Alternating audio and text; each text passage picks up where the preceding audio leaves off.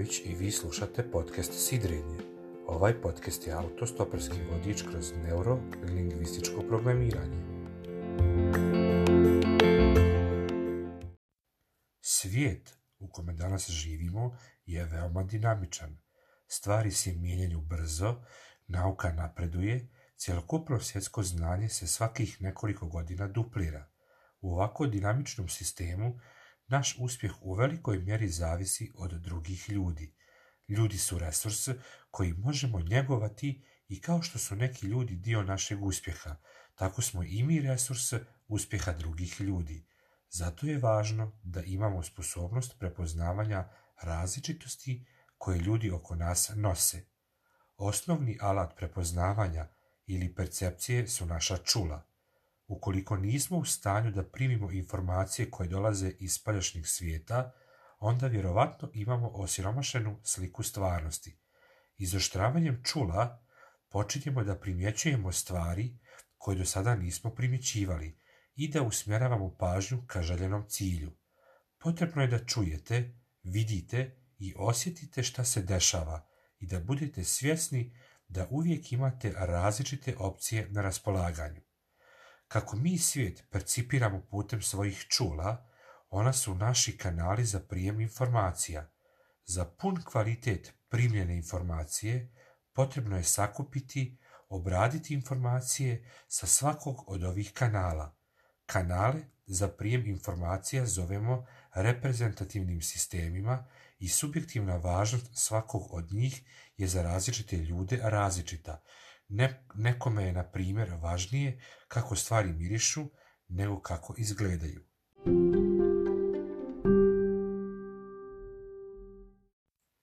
Koji su primarni reprezentativni sistemi? U zavisnosti od izražajnosti kanala putem kojeg osoba dominantno prima informacije, postoje tri primarna reprezentativna sistema – vizuelni, auditivni i kinestatički – Dakle, osoba koristi sva tri reprezentativna sistema, ali jednom uvijek daje prednost. Pa tako, ukoliko osobi koja ima dominantan auditivan reprezentativni sistem kažete Ostavila sam ti ključeve od kola na vidnom mjestu, kako je moguće da nisi registrovao, gdje ti gledaš? Vrlo je vjerovatno da neće obratiti pažnju na ono što ste rekli i ponovo će zaboraviti ključeve. Zato je neophodno da pažljivo slušate vaše sagovornike i obratite pažnju na riječi koje upotrebljavaju u komunikaciji, da li im je važnija slika, zvuk ili dodir.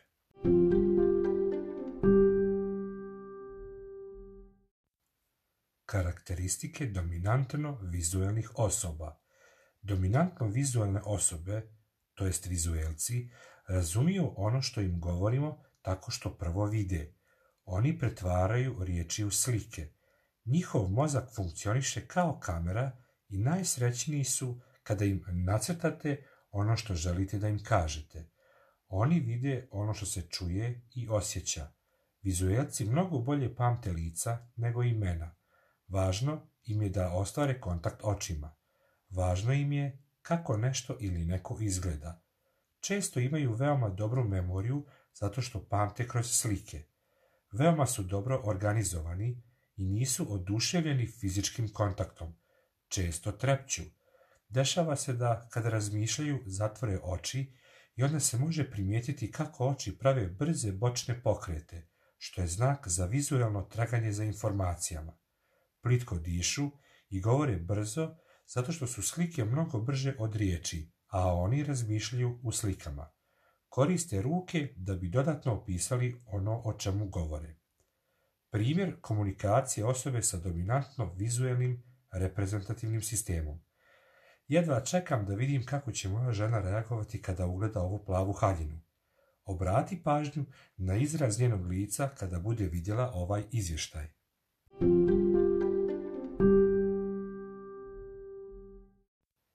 Karakteristike dominantno auditivnih osoba Dominantno auditivne osobe, to jeste auditivci, su osobe kojima je prije svega važno kako nešto zvuči. Oni slušaju kako izgovarate rečenice. Njima je važniji način na koji nešto izgovarate nego šta izgovarate. Njihov mozak funkcioniše kao MP3 player. On preslušava melodije da bi shvatio o čemu govorite. Oni vole ritam i melodiju radije razgovaraju telefonom nego licem u lice.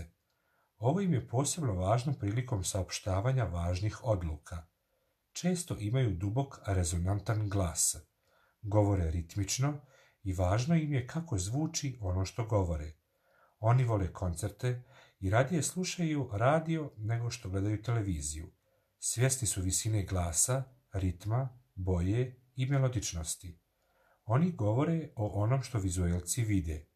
Po načinu disanja, auditivci se mogu prepoznati tako što dišu relativno duboko, ali vrlo kontrolisano izdišu.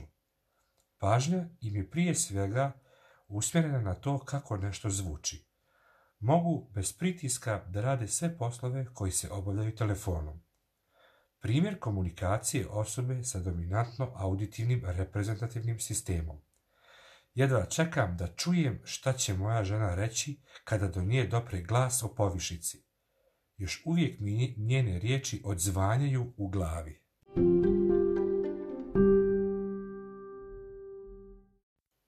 Karakteristike dominantno kinestetičkih osoba. Dominantno kinestetičke osobe, to jeste kinestetičari, donose odluke na osnovu svojih osjećaja i osjećanja. Informacije koje su im najvažnije pri donošenju odluka su osjećaj, dodir, emocija, ukus i sl. Oni će se odlučiti za kupovinu zato što im se dopadate vi ili im se dopada vaš proizvod. Emocije su ključ kupovine kod kinestetičara. Oni će vrlo brzo odlučiti da li im se dopadate ili ne dopadate. Kinestetičari uživaju u hrani, pa veoma često mogu imati par kilograma viška, ali oni isto tako uživaju i u svom tijelu, pa ćete među posjeticima fitness centara također naći i veliki procenat kinestetičara. Oni dišu duboko i vole da dodiruju ljude i stvari. Veoma su osjetljivi na temperaturne promjene. Više uživaju u udobnosti svoje odjeće nego u njenom izgledu. Oni uče tako što rade stvari i uživaju u fizičkim aktivnostima. Tempo govora im je najčešće spor, a pažnja im je usmjerena na osjećaj koji imaju u vezi sa ljudima, stvarima i događajima. Kinestetičari razmišljaju kroz čula.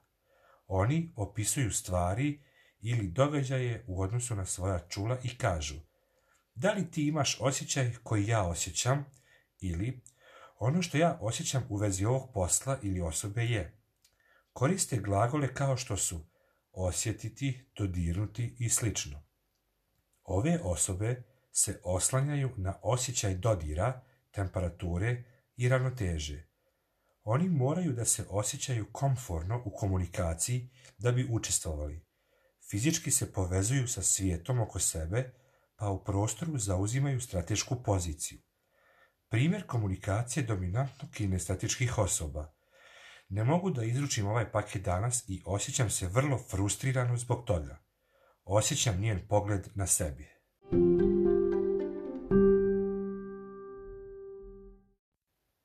Karakteristike osoba unutrašnjeg dijaloga Osobe unutrašnjeg dijaloga najčešće imaju kombinovane karakteristike drugih reprezentativnih sistema – ali ono što je karakteristično za njih je da često razgovaraju sami sa sobom i vole da daju smisao događajima oko njih i da ih razumiju. One visoko vrednuju logiku i vole detalje. Često koriste abstraktne riječi koje nemaju direktan čulni opis. Dešava se da se ove osobe više vezuju za proces i izbor riječi koje se koriste nego za sam rezultat imaju uspravnu i ukočenu fiziologiju. Glas im je monoton i robotski. Skloni su u razgovorima sa samim sobom. Koriste duge rečenice sa puno detalja. Koriste riječi koje nisu čulno bazirane. Razumjeti, promijeniti, provjeriti, misliti, logično, racionalno, besmisleno i tako dalje.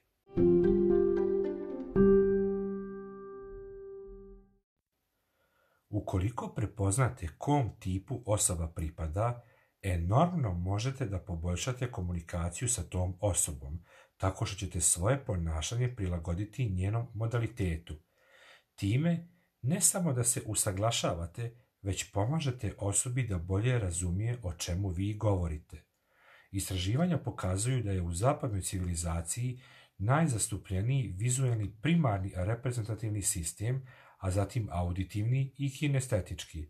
Ovo može biti veoma značajan podatak u prodaji ili u pripremi marketinških kampanja.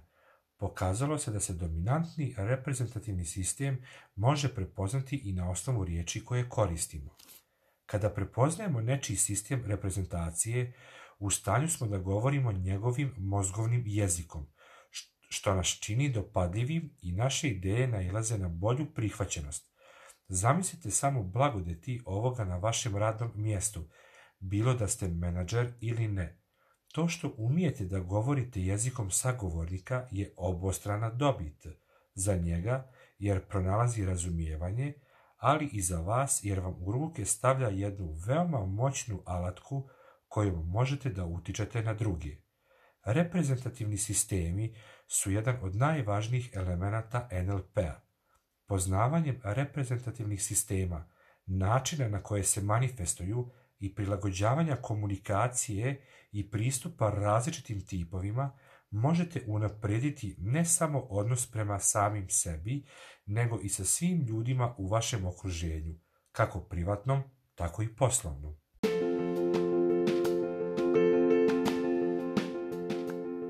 Ovo je bila sedma epizoda podcasta Sidrenje u kojoj sam govorio o reprezentativnim sistemima. Moje ime je Miloš Blagojević i slušamo se sljedeće srijede.